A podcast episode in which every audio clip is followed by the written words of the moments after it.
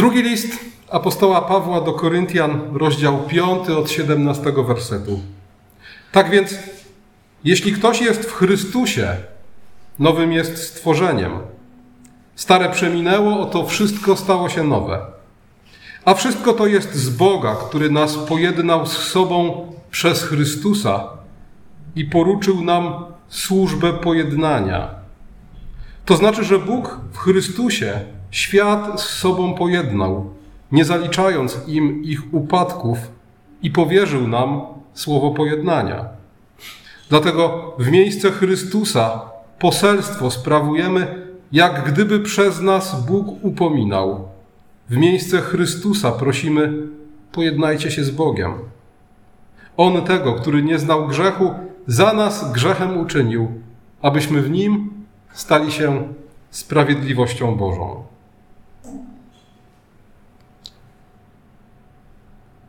Proces, w wyniku którego skazano Jezusa, był jawną kpiną z wszelkiej sprawiedliwości.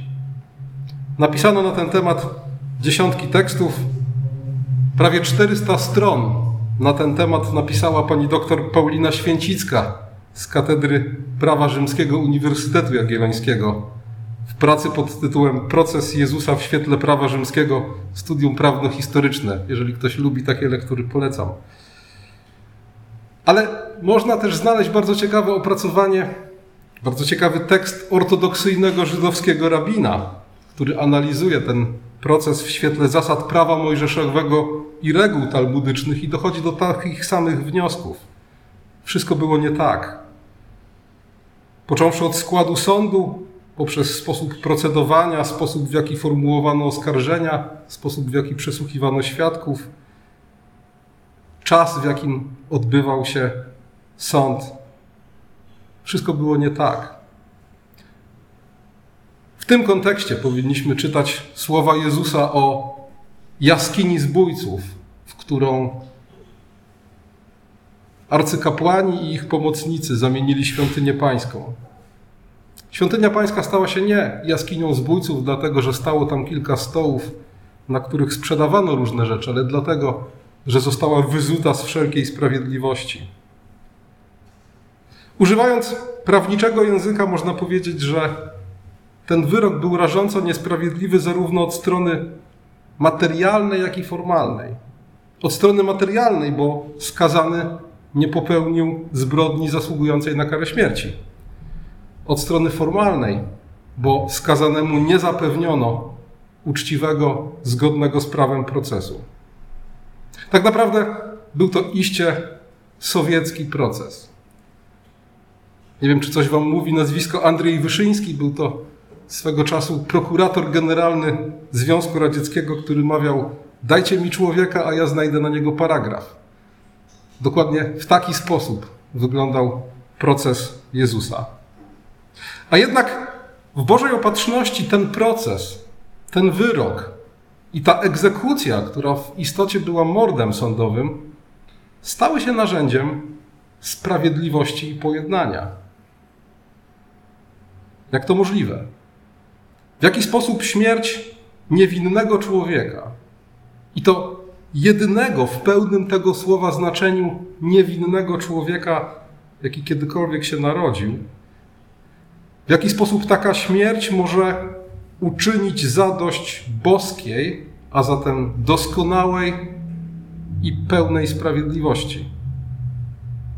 Jeżeli sprawiedliwość, jak mawiali Rzymianie, to stała i niezmienna wola oddania każdemu należnego mu prawa. To właśnie tego odmówiono Jezusowi. Boża sprawiedliwość, jak Pismo Święte nas o tym poucza, mówi, że Bóg polega na tym, że Bóg każdemu oddaje według jego uczynków. W drugim rozdziale listu do Rzymian apostoł Paweł przestrzega nas przed dniem gniewu i objawieniem się sprawiedliwego sądu Boga, który każdemu odda według uczynków Jego. I tekstów, które o tym nam właśnie przypominają, że Bóg każdemu oddaje według Jego uczynków, znajdziemy w Piśmie Świętym bardzo wiele. A zatem Bóg Każdemu oddaje według jego uczynków. Na tym polega jego sprawiedliwość. Każdy od Boga otrzymuje to, na co zasłużył. Te słowa czasem dziwnie brzmią w naszych uszach, zwłaszcza kiedy widzimy wojnę na Ukrainie, umierające niemowlęta, prześladowanych chrześcijan, czy gdziekolwiek na świecie ludzi mordowanych, wypędzanych z domu, wyzyskiwanych, oszukiwanych czy krzywdzonych. A w Wielki Piątek, w kontekście tego urągającego wszelkim zasadom sprawiedliwości procesu Jezusa, te słowa, że Bóg każdemu oddaje według jego uczynków, brzmią jeszcze bardziej dziwnie, może nawet niedorzecznie. Czy naprawdę każdy otrzymuje odpłatę za swoje uczynki? Widzimy przecież Jezusa, który nikomu nic złego nie uczynił. Jak mówi Księga Dziejów Apostolskich, przeszedł przez życie dobrze czyniąc i uzdrawiając. Jak mówi prorok Izajasz, nie znaleziono kłamstwa w jego ustach. A jednak jako odpłatę za całe dobro, które uczynił, otrzymał to, o czym przed chwilą śpiewaliśmy w Psalmie 22 i to, o czym przed chwilą słyszeliśmy w Ewangelii Mateusza. Niewyobrażalne cierpienie fizyczne i psychiczne, ból i udręka, bolesna śmierć, wzgarda, samotność, odrzucenie, a nawet w jakimś sensie odrzucenie przez Boga. Bo kiedy Chrystus woła Boże mój, Boże mój, czemuś mnie opuścił, to wyraża w ten sposób trudną do pojęcia, ale jednak prawdę o tym, co się stało na krzyżu. A zatem, czy naprawdę każdy otrzymuje to, co mu się słusznie należy? I tu dochodzimy do paradoksu krzyża. W pewnym sensie Chrystus na krzyżu otrzymał to, co mu się słusznie należało, choć nie to, na co zasłużył. Apostoł Paweł wyjaśnia to w drugim liście do Koryntian, w piątym rozdziale, w dwudziestym pierwszym wersecie. On tego, który nie znał grzechu, on czyli Bóg, za nas grzechem uczynił, abyśmy w nim mogli stać się sprawiedliwością Bożą. Jako uczyniony grzechem, a więc obciążony grzechami nas wszystkich, grzechami, które sam wziął na siebie, jak mówi Izajasz, otrzymał to, co mu się słusznie należało. W tym, co uczyniono Jezusowi, nie było ani odrobiny przesady. Bóg oddał mu według uczynków. Co prawda nie tych, które on popełnił, ale tych, które my popełniliśmy, a które na niego zostały złożone, które jemu zostały przypisane. I kiedy przyjął w posłuszeństwie Ojcu mękę i śmierć, kiedy wypełnił wymagania Bożej sprawiedliwości, w nagrodę otrzymał to, na co zasłużył, a więc chwałę zmartwychwstania i niewzruszone królestwo. My zaś, którzy dzięki Bożej łasce uwierzyliśmy w Niego, otrzymujemy, podobnie jak Chrystus, to, co nam się należy, choć nie to, na co zasłużyliśmy. W jakim sensie? On jego uczynił grzechem, aby nas uczynić sprawiedliwością Bożą. On na niego złożył nasze grzechy, po to, żeby nas okryć płaszczem Jego sprawiedliwości. I tak jak Chrystus otrzymał odpłatę według naszych uczynków, które Jemu przypisano, tak my otrzymujemy odpłatę według Jego sprawiedliwości, w którą jesteśmy przyodziani. Zasłużyliśmy na śmierć i potępienie, ale otrzymujemy to, co nam się należy nie ze względu na nasze uczynki, ale ze względu na sprawiedliwość Chrystusa, w którą jesteśmy przyodziani. Obdarowując nas wiecznym zbawieniem, zmartwychwstaniem i życiem wiecznym, Bóg daje nam, oddaje nam według uczynków Tyle tylko, że nie naszych. Według sprawiedliwości Chrystusa, w którą nas przyodziano. Tak właśnie należy rozumieć słowa apostoła Pawła.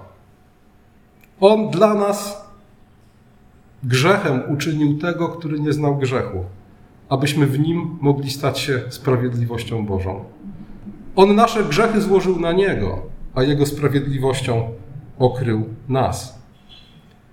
I w ten sposób sprawiedliwości stało się zadość. W ten sposób wymagania Bożej sprawiedliwości zostały wypełnione w sposób doskonały, a w Bożej opatrzności narzędziem w tym procesie stał się urągający wszelkim zasadom ludzkiej sprawiedliwości proces, jaki wytoczono Jezusowi. Ale to jeszcze nie koniec tego, co apostoł Paweł ma nam do powiedzenia w tym krótkim fragmencie drugiego listu do Koryntian. Sprawiedliwość, choć jest wartością sama w sobie, nie jest ostatecznym celem, do którego Bóg dąży w Chrystusie. Celem jest pojednanie. Bóg chce, abyśmy mogli żyć z Nim w pokoju, być Jego przyjaciółmi na wieki. Pojednanie i pokój bez zadośćuczynienia sprawiedliwości jest niemożliwe. Sprawiedliwość jest koniecznym warunkiem, aby nastąpiło pojednanie i pokój. Ale z drugiej strony, sprawiedliwość nie jest wystarczającym warunkiem dla pojednania i pokoju. Gdyby w grę wchodziła tylko sprawiedliwość, Bóg mógłby nas wszystkich posłać do piekła i w ten sposób sprawiedliwości stałoby się zadość. Doświadczylibyśmy Jego sprawiedliwości, ale nie doświadczylibyśmy pojednania i pokoju. Żeby nastały pojednanie i pokój, muszą spotkać się ze sobą sprawiedliwość i miłosierdzie, sprawiedliwość i łaska. I właśnie to widzimy w Bogu. W Bogu widzimy sprawiedliwość i miłosierdzie w jednakowym stopniu doskonałe i ostateczne. Psalm 112, werset 4 mówi o Bogu: On jest łaskawy, miłosierny i sprawiedliwy. Jego miłosierdzie nie usuwa sprawiedliwości, w żaden sposób jej nie ogranicza. Jego miłosierdzie buduje na sprawiedliwości. W Piśmie Świętym widzimy, że łaska i miłosierdzie Boga szukają takiego sposobu wymierzenia sprawiedliwości, który otwiera drogę do pojednania i pokoju. Bóg w Chrystusie potępił grzech. Mógł potępić grzech inaczej, posyłając nas wszystkich do piekła. Ale ponieważ uczynił to w Chrystusie, przez Jego mękę, śmierć, przez Jego ofiarę, otworzył w ten sposób drogę do pojednania i pokoju. Sprawiedliwość i miłosierdzie naszego Boga zmierzają do tego, aby zbuntowani grzesznicy zasiedli u stołu Pańskiego jako Jego przyjaciele, umiłowane dzieci i domownicy Boga. I dokładnie to Bóg uczynił dla nas w Chrystusie. Ale to jeszcze nie wszystko, co ma nam do powiedzenia w tym krótkim fragmencie apostoł Paweł. Apostoł Paweł mówi tak: Bóg w Chrystusie świat ze sobą pojednał, a kiedy to uczynił, powierzył nam słowo pojednania. Poruczył nam służbę pojednania. I to jest nasza misja. Dostąpiwszy pojednania z Bogiem w Chrystusie, jesteśmy wezwani do tego, żeby tę służbę pojednania sprawować wobec innych. Jesteśmy powołani do tego, żeby za apostołem Pawłem wołać w miejsce Chrystusa prosimy, pojednajcie się z Bogiem. W jaki sposób? Poprzez Ewangelię, którą głosimy. Poprzez dobrą nowinę o Chrystusie, w którym Boża sprawiedliwość została wypełniona w taki sposób, żeby otworzyć nam wszystkim drogę do pojednania i pokoju z Bogiem. Dobra nowina o Chrystusie i Jego krzyżu, w którym miłosierdzie i sprawiedliwość znalazły swoje ostateczne wypełnienie, ostateczne, doskonałe wypełnienie. Misją pojednania, którą Bóg nam powierzył, jest misja głoszenia Ewangelii. Idziemy do ludzi i mówimy: W Chrystusie Bóg pojednał świat ze sobą. Jeśli chcesz pojednać się z Bogiem, rozpoznaj w Chrystusie Zbawiciela, tego, który za ciebie umarł, tego, w którym możesz otrzymać zbawienie i życie wieczne. Ale ta służba pojednania, którą Bóg nam powierzył, nie sprowadza się tylko i wyłącznie do pojednania pomiędzy Bogiem a ludźmi. Ta służba pojednania to jest też służba jednania ze sobą ludzi. To jest tak jak z miłością. Jan w swoim liście mówi, że łatwo jest powiedzieć: Kocham Boga, którego nie widzę. Trudniej jest kochać ludzi, którzy są wokół mnie.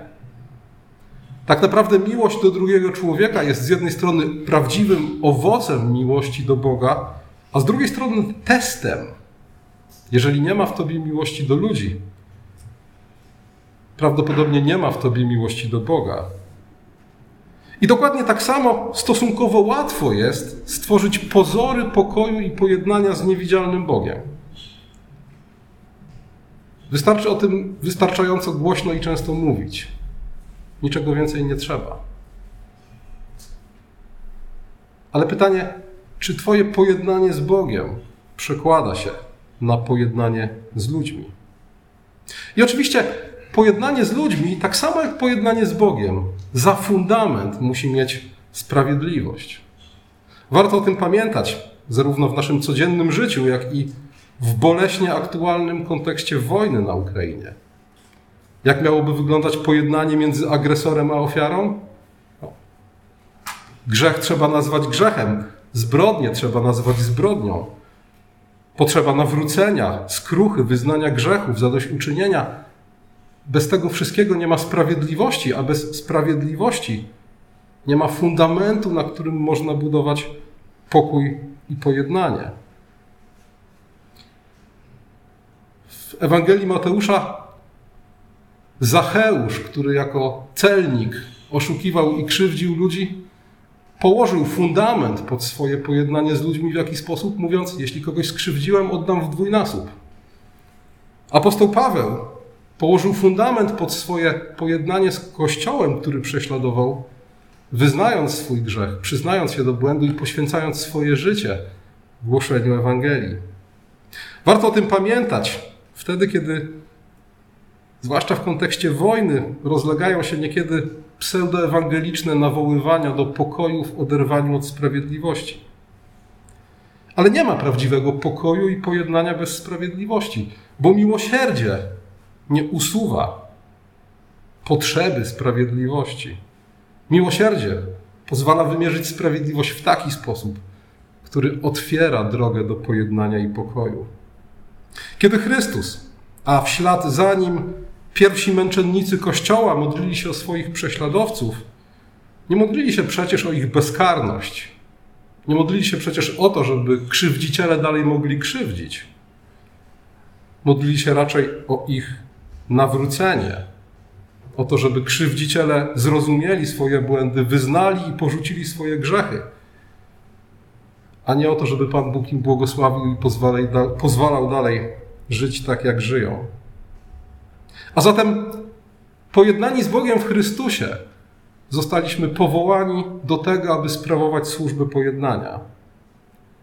Pojednania między Bogiem i ludźmi i pojednania, które powinno łączyć podzielonych ludzi. I dlatego wezwani jesteśmy do tego, aby głosić pełną i prawdziwą Ewangelię. Ewangelię o pojednaniu z Bogiem na fundamencie Jego sprawiedliwości. A więc Ewangelię, w której nie może zabraknąć wezwania do nawrócenia, wyznania grzechów, porzucenia grzechów. Sprawując służbę pojednania, powinniśmy też działać na rzecz pojednania między ludźmi, bo pojednanie między ludźmi jest owocem, a zarazem testem tego, na ile prawdziwe, autentyczne jest nasze pojednanie z Bogiem. I dlatego przede wszystkim nie bądźmy krzywdzicielami, ale kiedy nam się to zdarzy, pamiętajmy o tym, że jeśli kogoś skrzywdziliśmy, to droga do pokoju i pojednania prowadzi przez nawrócenie wyznanie grzechów i zadośćuczynienie. Nie możemy oczekiwać pokoju i pojednania bez nawrócenia, wyznania grzechów i zadośćuczynienia. Módlmy się za naszych prześladowców, tak jak modlił się Chrystus i męczennicy pierwszego kościoła. Co ciekawe, wbrew pozorom, na pierwszy rzut oka wydaje się, że te modlitwy Chrystusa i pierwszych męczenników z jednej strony, a psalmy złorzeczące z drugiej strony to jakieś dwa różne światy. Tutaj Jezus mówi: Ojcze, przebacz im, bo nie wiedzą, co czynią, a tam psalmista mówi: Weź, Panie Boże, zrób porządek, delikatnie mówiąc, z wszystkimi moimi wrogami. Ale to tylko na pierwszy rzut oka są zupełnie różne modlitwy. W jednym i w drugim przypadku pobożny, krzywdzony człowiek przynosi przed Boży tron swoją krzywdę i swoich krzywdzicieli i woła o sąd. Bóg przychodzi, przynosi sąd. Narzędziem Jego sądu jest słowo. I to słowo albo przyniesie wrogom, prześladowcom, krzywdzicielom nawrócenie, albo śmierć. A więc tak naprawdę psalmista w psalmach złorzeczących i męczennik modlący się za swoich prześladowców w gruncie rzeczy modlą się o to samo. Pamiętajmy, że sprawiedliwość jest niezbędna, aby można było mówić o prawdziwym pokoju i pojednaniu, ale pamiętajmy, że sprawiedliwość to fundament pokoju i pojednania. Na tym fundamencie trzeba jeszcze coś zbudować, a do tego potrzebujemy miłosierdzia i łaski. Celem naszej służby pojednania jest trwały pokój z Bogiem i trwały pokój pomiędzy ludźmi, zbudowany za pomocą miłości i miłosierdzia na fundamencie sprawiedliwości. I w kontekście tego apostoł Paweł mówi: Jeśli ktoś jest w Chrystusie, nowym jest stworzeniem.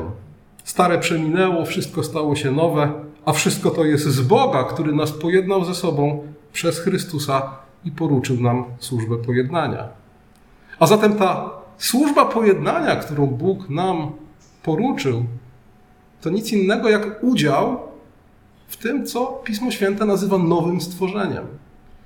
Bóg w Chrystusie stwarza świat na nowo i my możemy mieć w tym swój udział. Jaki? Właśnie poprzez służbę pojednania. Amen.